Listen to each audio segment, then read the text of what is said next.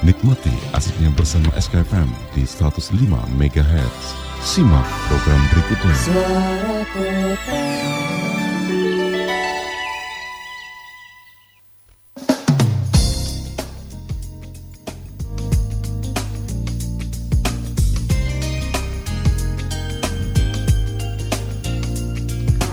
Ya baik, Assalamualaikum warahmatullahi wabarakatuh dari Bejangki 16 Mataram Apa kabar warga kota Mataram? Senang sekali menjampai kebersamaan Anda Di gelaran hari ini hari Selasa sekarang 14 Mei 2019 Bertepatan dengan 9 Ramadan 1440 Hijriah. Warga kota Mataram mengajak kebersamaan Anda kembali Di program radio yang memang teranyar ya. Kami mengundang untuk masing-masing organisasi perangkat daerah yang ada di lingkup pemerintah kota Mataram untuk menyampaikan berbagai perkembangan program yang tentunya di anggaran tahun 2019 menjadi program unggulan. Dan ini juga menjadi uh, informasi yang sangat sangat dibutuhkan oleh warga masyarakat apa saja perkembangan pembangunan yang telah dirancang tentu di Kota Mataram atau organisasi perangkat daerah yang menjadi kali pertama kita ajak ngobrol dialog interaktif di Radio Suara Kota FM adalah dari Dinas Perhubungan Kota Mataram. Dua narasumber yang sudah hadir ya. Kita akan perkenalkan nanti.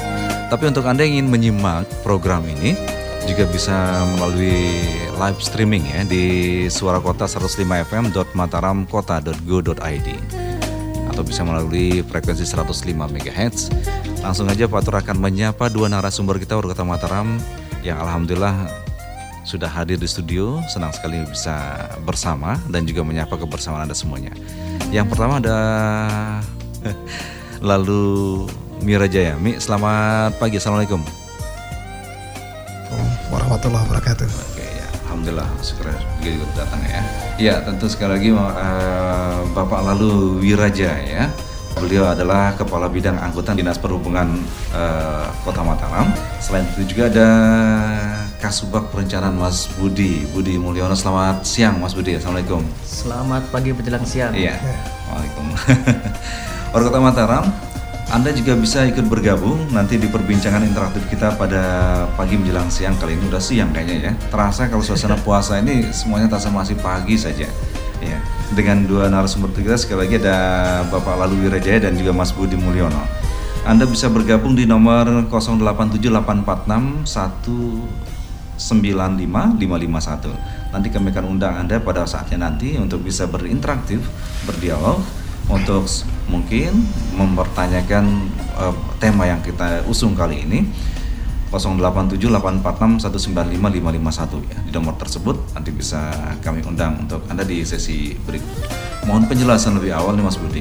Tentu banyak hal yang sudah dikerjakan dinas perhubungan dalam hal ini perencanaan tahun 2019 dan juga termasuk luar biasa untuk strategi Bapak Kadis yang baru Bapak Muhammad Saleh tentu dengan beberapa revitalisasi beberapa kawasan bisnis Caka termasuk dan mungkin menjadi prioritas dinas perhubungan kali ini.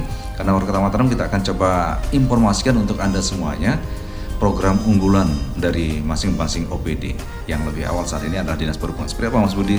Untuk dinas perhubungan dalam tahun 2019 kali ini program-program yang memang menjadi skala prioritas. Silakan Mas Budi Uh, baik, dalam melakukan penyusunan program-program prioritas kita hmm. Dinas Perhubungan Kota Mataram berangkat dari isu-isu strategis yang selama ini muncul dan berkembang di masyarakat. Iya.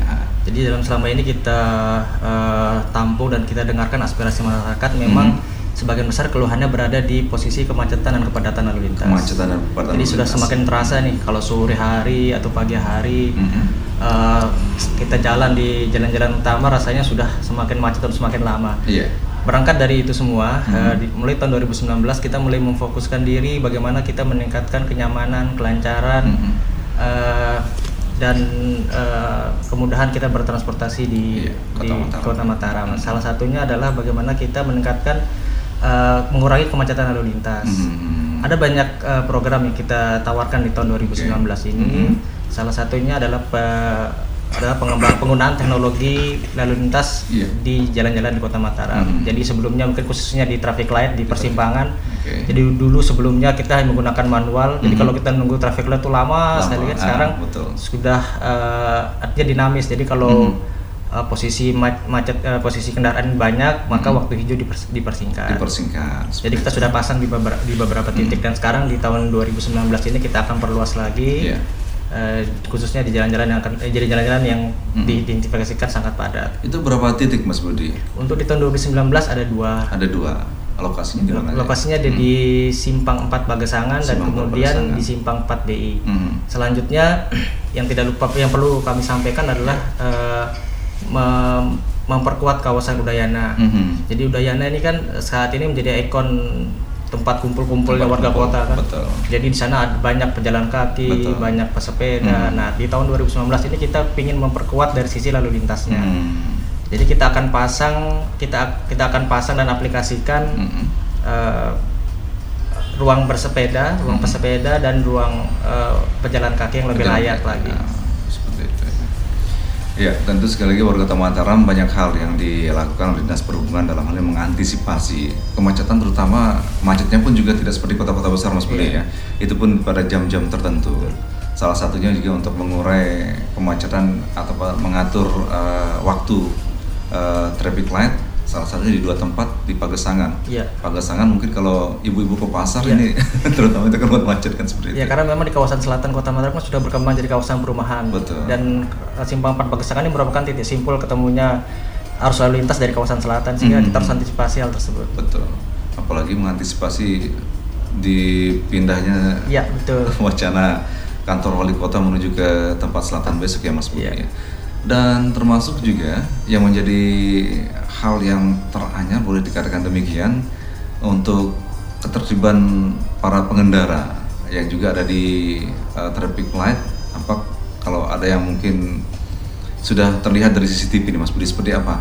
Yang mungkin juga masyarakat sempat kami lihat juga di beberapa media sosial termasuk dinas perhubungan juga ada beberapa pengendara yang melanggar atau mungkin melebihi zebra cross. Itu juga ada teguran langsung dari operator. Seperti apa ini Mas Budi? Ini juga termasuk program unggulan dinas perhubungan seperti itu Ya, saat ini untuk mendekatkan eh, ketertiban lalu lintas khususnya di persimpangan, Mhm. eh, kita sudah cukup kita dalam dua tahun ini sudah mengaplikasikan eh, CCTV di beberapa simpang. Iya. Mhm. Eh, salah satu yang tindakan yang sering kami lakukan adalah peneguran Mhm. eh, kepada yang pada kendaraan yang melanggar. Iya. Kemudian kita juga eh, sebarluaskan lah dalam tanda kutip kita sebarluaskan Mhm. eh, melalui media sosial kami sehingga Media mereka ada sosial. efek efek jerah atau Efek efek jerah. ya efek malu lah bukan Mhm, efek malu ya betul, seperti ada sanksi sosial Betul. kepada masyarakat yang melanggar. Mhm. Kemudian selanjutnya kami akan coba tingkatkan Mhm. eh, bisa terkoneksi terintegrasi dengan apa, samsat sehingga tahu identitas pelanggar tersebut. Mhm. Itu kan kami kembangkan dan akan segera diaplikasikan dalam Iya. semoga tidak terlalu lama. Dan ini pun juga selain sanksi sosial boleh dikatakan demikian secara langsung teguran-teguran itu juga mungkin tadi kerjasama dengan Samsat itu bagus juga Mas Budi. Dalam arti nomor kendaraan Iya, juga nomor menjadi identitas. pantauan ya seperti itu. Ketika nanti dalam pengurusan eh, perpanjangan STNK, SIM, nah ini juga menjadi catatan juga ya Budi seperti itu. Ya, warga Mataram menarik sekali lagi perbincangan kita pada pagi menjelang, menjelang siang kali ini untuk kali pertama dialog kita bersama dialog interaktif kita bersama eh, organisasi perangkat daerah di Kota Mataram yang mengawali saat ini adalah Dinas Perhubungan Kota Mataram. Selain juga nanti kita akan lebih panjang lebar melihat berbagai program unggulan yang sudah coba ditawarkan di Kota Mataram di tahun 2019 kali ini yang juga sudah tampak memang beberapa kegiatan-kegiatan eh, bisa kita rasakan manfaatnya. Termasuk juga saat ini bulan suci Ramadan. Ini ada eh, Bapak Ladu Wirajaya Kabit Angkutan tentu juga sudah mengantisipasi seperti apa ini. Arus lalu lintas termasuk mungkin juga ang- daya angkut termasuk ja- eh, bagaimana masa ketika mudik lebaran dan kedatangan kembali ke kota Mataram tentu sudah menjadi antisipasi yang luar biasa dari dinas perhubungan. Seber- Seperti apa nih Mimi Alwi Rijaya mungkin bisa menjelaskan? Ya, eh, memang eh, kalau kita lihat Hmm. yang paling dekat event yang paling dekat itu adalah penyelenggaraan angkutan lebaran. Oh iya. Dan memang dari eh, perhubungan dari pusat sampai daerah Mhm. itu yang menjadi sorotan atau penilaian kinerja dari perhubungan secara umum ya dari pusat sampai daerah itu adalah eh, sukses atau tidaknya penyelenggaraan angkutan lebaran ini. Iya. Nah. Sehingga bisa jadi ketika kita gagal dalam em, menyelenggarakan angkutan lebaran itu bisa menjadi Hmm. terhapus semua Iya, segala betul, kinerja betul. kita yang lain gitu.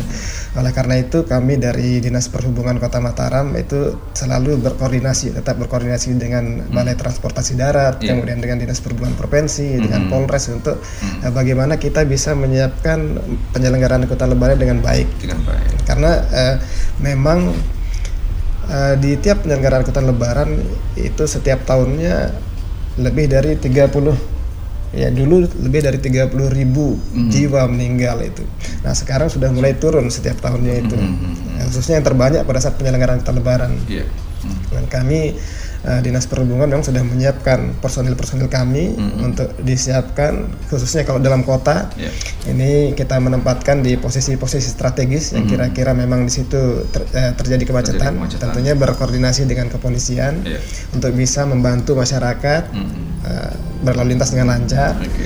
Nah, kemudian untuk terminal sendiri karena sekarang sudah kewenangan dari pusat, Mhm. itu kita berkoordinasi memonitor juga Hmm. bagaimana kesiapan eh, angkutan-angkutan umum seperti angkutan angkutan kota antar provinsi Mhm. misalnya bagaimana kesiapannya eh, berapa armada yang disiapkan apakah sudah mencukupi atau tidak Iya. kemudian kelaikan jalannya secara teknis apa memang dia sudah layak jalan atau tidak itu Mhm. menjadi perhatian kita semua Termasuk kelayakan kendaraan itu. termasuk kelayakan kendaraan Oke. kemudian termasuk juga untuk kesehatan pengemudinya Nah, seperti itu. Saya- nanti kami akan membuat posko di dinas perhubungan ya Mhm. posko untuk eh, masyarakat yang membutuhkan informasi terkait dengan angkutan lebaran Baik. Ya, Iya, warga Mataram sekali lagi kita akan terus berbincang pagi menjelang siang kali ini. Untuk Anda juga nanti kami undang di 087846195551. Masih kita bersama Mas Budi dan juga Mi Jaya. Lebih akrab seperti itu aja Mas Budi. Mungkin supaya tidak terlalu anu tapi yang jelas informasi yang kita sampaikan kepada masyarakat juga terkait dengan persiapan mudik lebaran, antisipasi dinas perhubungan seperti apa termasuk juga kalau mungkin kebijakan nanti Pak Kadis ya mungkin terkait dengan uh, program-program unggulan Dinas Perhubungan Kota Mataram. Tapi yang jelas warga Kota Mataram bisa menyimak perbincangan ini juga bisa melalui web kami di suara kota 105 fm.mataramkota.go.id. Kami live streaming juga melalui Facebook Suara Kota. 105 Suara Kota FM Warga Kota Mataram masih dari Pejanggi 16 Mataram bersama Fatur. Pagi menjelang siang kali ini di dialog interaktif kita bersama organisasi perangkat daerah. Ya kali pertama bersama Dinas Perhubungan Kota Mataram. Masih ada Mas Budi Mas Budi Mulyono, Kasubag Perencanaan Dinas Perhubungan Kota Mataram dan juga ada Mami Lalu Wirajaya, Kabit Angkutan Dishub. Ya. Selamat siang untuk Anda yang baru bergabung di 105 Suara Kota FM. Saat ini sudah 45 menit menjauh dari pukul 10 siang waktu Kota Mataram dan sekitarnya. Dan ulasan yang kita coba angkat kali ini warga Mataram tentu terkait dengan beberapa program unggulan Dinas Perhubungan termasuk juga seperti apa antisipasi untuk angkutan menjelang lebaran khususnya yang sudah dipersiapkan oleh Dinas Perhubungan Kota Mataram. Mas Budi kembali untuk tentu Dinas Perhubungan telah memiliki strategi-strategi khusus ya, walaupun mungkin juga saat ini eh, mungkin bisa dijelaskan selaku perencana eh, melihat sudah terlihat kota Mataram seperti kota metro. Dikatakan demikian titik kemacetan itu juga tampak di beberapa waktu. Salah satunya adalah waktu eh, anak masuk sekolah eh, diantar oleh para orang tua dan juga pada saat eh, eh, menjemput kan seperti itu. Terlihat memang beberapa wali murid, wali siswa boleh dikatakan untuk parkirnya pun juga semeraut benar. Hampir juga bisa dikatakan sangat luar biasa untuk eh, lancarnya arus lalu lintas. Seperti apa nih dinas perhubungan sudah mempersiapkan Mas Budi? Silakan. Eh, baik. Ya. Eh, terkait dengan kemacetan khususnya di kawasan sekolah, Mhm. kita kembali lagi ke akar masalah dari terjadinya kemacetan tersebut. Mhm. Jadi selama ini em, kita eh, anak-anak sekolah sepertinya tidak punya pilihan lain ke Iya. sekolah kecuali diantar diantar atau kemudian naik motor sendiri. nah ini dia Nah dari sinilah kita kemudian berelaborasi, Mhm. kemudian eh, melaksana eh, membuat sebuah program Mhm. tidak hanya dari sisi operasional artinya kita tempatkan petugas kemudian Iya. kita atur parkirnya Hmm. tapi kami eh, kita akan coba untuk melaksanakan eh, menyiapkan angkutan-angkutan khusus ke Hmm. sekolah-sekolah ini Iya. kebetulan nanti akan dijelaskan secara teknis oleh bidang angkutan Iya. eh, Mi Wira. Mhm. tapi secara umum eh, kita menyiapkan opsi kepada masyarakat untuk tidak terlalu tergantung dengan uh, kendaraan pribadi atau dengan uh, orang tuanya. Mhm. Kan kasihan nih masyarakat, Iya. bapak-bapak, ibu-ibu tiap pagi harus saling ribut nih, Betul. antar ayo kamu antar duluan atau. Jadi sekarang kita masa di dinas perhubungan akan menyiapkan program tersebut. Jadi Mhm. kita kita sedang godok untuk menyiapkan angkutan sekolah. Oke. Dari sisi demand, dari sisi eh, teknis operasional kita sudah punya secara umum. Ya. Tinggal kemudian nanti pelaksanakan akan kita lihat. Seperti apa kira-kira itu Mas Budi? Eh, akan secara teknis akan Oke, jelas. oke silakan. Nah, jadi begini Mas ah, Fatur. Ya. Kalau untuk rencana angkutan sekolah itu, ya, kami sudah melakukan kajian. Mhm. Uh, mungkin konsepnya nanti uh, dari kawasan ke direct ke sekolah-sekolah. Sekolah-sekolah, Jadi ya. konsepnya. Jadi uh, nanti disiapkan disiapkan angkutan dari pemukiman. Mhm. Uh, jadi di situ disiapkan shelter. Iya. Uh, misalnya contohnya untuk kawasan Perumnas mungkin di lapangan Perumnas misalnya nih. Mhm. contohnya di situ shelternya kemudian Shelter. nanti orang tua tinggal mengantar anaknya ke, Ke shelter, shelter, Nah, dari shelter nanti itu ya. diangkut Mhm. oleh uh, angkutan sekolah ke sekolahnya sekolah masing-masing. masing-masing. Ya, jadi kalau untuk uh, kebutuhan kendaraannya memang setelah kami melihat kondisi di lapangan juga Mhm. kita memang uh, kalau kendaraan seperti yang selama ini warawiri BRT itu itu kendaraannya terlalu besar. Terlalu besar ya. Jadi untuk masuk ke pemukiman itu yang ideal itu yang eh, mau- Mikrobus. yang mikrobus, ya. Mikrobus, mikrobus yang kapasitas eh, na- 15 16 penumpang lah. Mhm. Nah, dengan kapasitas itu tentu akan lebih mudah bermanuver dan Mhm. akan lebih mudah eh, sampai ke sekolah anak-anak sehingga tidak terlambat. Mhm. Nah, barangkali gambarannya seperti itulah, Mhm. Mas Fatur. Oke. Jadi perbandingannya eh, 30 anggaplah satu mikrobus itu 30 orang. Jadi kita bisa mengurangi 30 sepeda motor sekali. Betul. Di jalan, Ya, ya. seperti itulah anunya. Karena memang mhm. untuk anak atau siswa sekolah seperti mereka kan belum boleh mengendarai secara langsung ya, tidak punya SIM dan sebagainya. Memang kita prioritasnya juga nanti itu untuk eh, ka- eh, sekolah-sekolah SMP. SMP, Iya, ya. Karena untuk menghindari juga mereka menggunakan kendaraan tanpa di eh, apa namanya dilengkapi dengan SIM kan. SIM, Belum oke. ada. Ya. Sehingga untuk bisa meminimalir meminimalisir kecelakaan juga. Betul betul. Ya, menarik sekali warga Mataram. Kami undang silakan bisa telepon ingin bertanya seputar yang kita perbincangkan pada hari ini di 087861955551 masih bersama Mas Budi Mulyono dan juga Mami Lalu Wirajaya Dinas Perhubungan Kota Mataram OPD pertama yang juga kita coba ajak berdialog interaktif di Radio Surakota Mataram lembaga penyiaran publik lokal untuk itu sekali lagi kami silakan bisa langsung menghubungi kami seputar perbincangan atau mungkin ada beberapa hal masukan terkait dengan tema yang kita usung kali ini dan sudah sepertinya ada yang menyapa Mas Budi kita buka dulu. Halo, selamat pagi. Ya, selamat pagi dengan siapa ini? Ya, Dedi Pak. Pak Pak Dedi. Pak Dedi di mana Pak Dedi? Mataram Pak. Pak Dedi Mataram ya. Oke.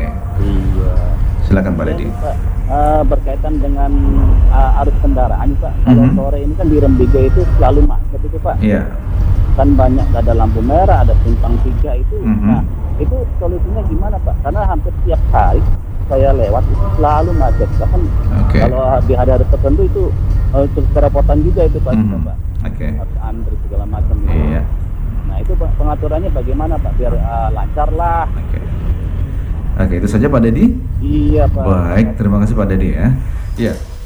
Silakan di belakang Mas eh, Dedi, Pak Dedi ya. Mau juga sebelum kita ditang- ditanggapi Mas Budi dan juga Mijaya, kita masih undang di nomor 087846195551 atau ditanggapi langsung Mas Budi. Ada Pak Dedi yang juga atau Mijaya nih terkait dengan simpang 4 yang ada di Rembige. Seperti apa ini? Silakan. Baik, jadi eh, Ya. simpang 4 Trimbiga atau kawasan Trimbiga ini memang menjadi salah satu eh, titik kredit kita juga di Mhm. Kota Mataram. Jadi Iya. utamanya kalau kita amati itu pagi dan sore hari. Mhm. Dan kalau hari Jumat itu biasanya sebelum sholat Jumat sekitar Sebelum jam Jumat. 11 sampai setengah 12 siang. Hmm. Secara operasional kami eh, menempatkan eh, sudah menempatkan beberapa petugas kami khususnya di Simpang 3 Hmm. Oke. Dakota. Nah, Hmm. Simpang di Simpang 3 Dakota itu merupakan eh, titik pangkal masalahnya. Jadi banyak Hmm. yang kemudian eh, memaksakan diri masuk Hmm. ke dalam simpang da- eh, ke dalam jalan Dakota Hmm. sehingga menyebabkan antrian panjang hingga sampai ke Simpang 4 Nembiga. Iya. Kalau dari sisi Simpang 4 Nembiga kami sudah bisa kontrol. Kami Hmm. sudah bisa atur melalui te- melalui perangkat kami di lapangan. Jadi ketika ada kemacetan bisa kami bisa kami kami sesuaikan. Sesuaikan ya. Kemudian eh, setiap sore dan setiap pagi kami sudah sudah kami tempatkan petugas di simpang 3 Dakota dan selalu kami awasi melalui CCTV kami. Mhm. Eh, jadi se- seperti itu. Bro. Ya, mungkin eh, tambahan juga kami juga butuh eh, apa namanya warga masyarakat juga Iya. pengendara itu untuk Mhm. mematuhi eh, per- aturan lalu lintas. Mhm. Kadang-kadang mereka juga memaksakan masuk meskipun sudah apa merah gitu. Sudah merah. Ya, kami selalu memberikan himbauan melalui eh, perangkat kami Mhm. CCTV yang ada di sana di Oke. ATCS itu. Tapi memang mem- masih kelihatannya masih agak sulit. Masih agak sulit Ya, ya. di situ memang Ya. tempat kesulitan kami. Jadi kami berharap juga masyarakat ikutlah Hmm. uh, mentaati Oke. peraturan lalu lintas gitu untuk kepentingan kita bersama. Iya, memang untuk eh, boleh dikatakan di titik di simpang Patron Bingin dari dulu sudah memang jadi fokus ya pemerintah Kota Mataram ini dinas perhubungan Kota Mataram termasuk dibukanya Jalan Dakota itu juga menjadi salah satu alternatif kan seperti itu. Memang tidak lepas harus pemerintah ya Mas Budi ya, ini ya. Dan ini juga tentu partisipasi masyarakat salah Karena satu yang disampaikan tadi ini. Seperti apa Mijay silakan. Kami juga memang uh, mendorong supaya pemerintah kota juga bisa memberikan apa namanya Mhm. perhatian untuk memberikan jalur jalur alternatif. Jalur ya. alternatif, Yang oke. memang t- langsung ke Lombok Barat gitu. Mhm. Kalau kita lihat posisi Dakota ini kan memang dia tidak bu- bukan jalur alternatif ya. Betul. Jalur Dan- utama. Nah, ya hanya mengalihkan uh, beberapa arus saja. Betul, Justru betul. terjadi crossing di sana. Mhm. Jadi kami pernah mendengar juga rencana mungkin PU ya Aha, itu PUPR. akan meneruskan eh, jalan tembusan jalan Bung Hatta itu Mhm. terus ke ke Ke- Gegutu. ya Gegutu. Mhm. Nah itu juga bisa jadi alternatif yang bisa membantu untuk memecah eh, kepadatan lalu lintas yang ada di Rembiga. Oke. Ya, Saya pernah dengar itu dari Mhm. PU. Kalau dari dinas perhubungan sendiri, Mas Budi, untuk perencanaan tahun-tahun berikutnya sudah ada hal untuk menangani.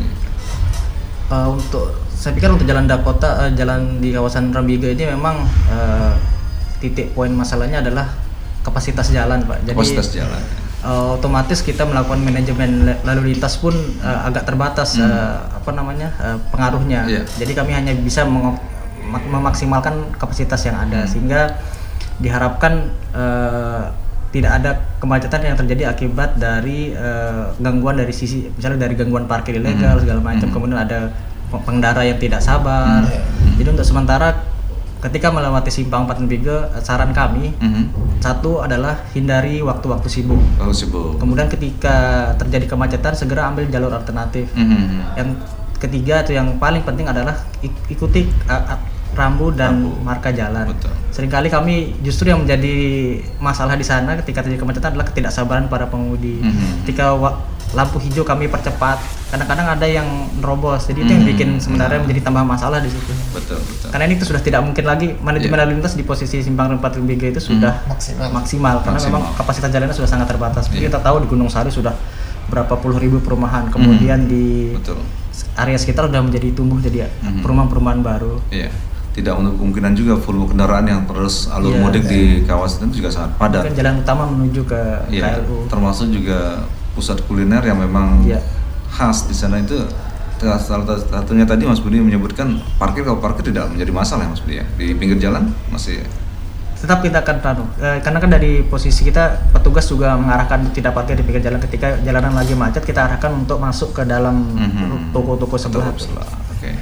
Ya Mas Pak Dedi ya, Pak Dedi mudah-mudahan juga sudah puas apa yang ditanggapi oleh Mas Budi dan juga Mijaya terkait dengan permasalahan kemacetan di Simpang 4 Rembige. Kami tunggu kembali di belakang Pak Dedi yang ingin bergabung di 087846195551. Ya, silakan untuk Anda ingin bertanya atau memberikan saran masukan, kenapa tidak Mas Budi ya kalau itu juga bermanfaat dan juga sangat baik.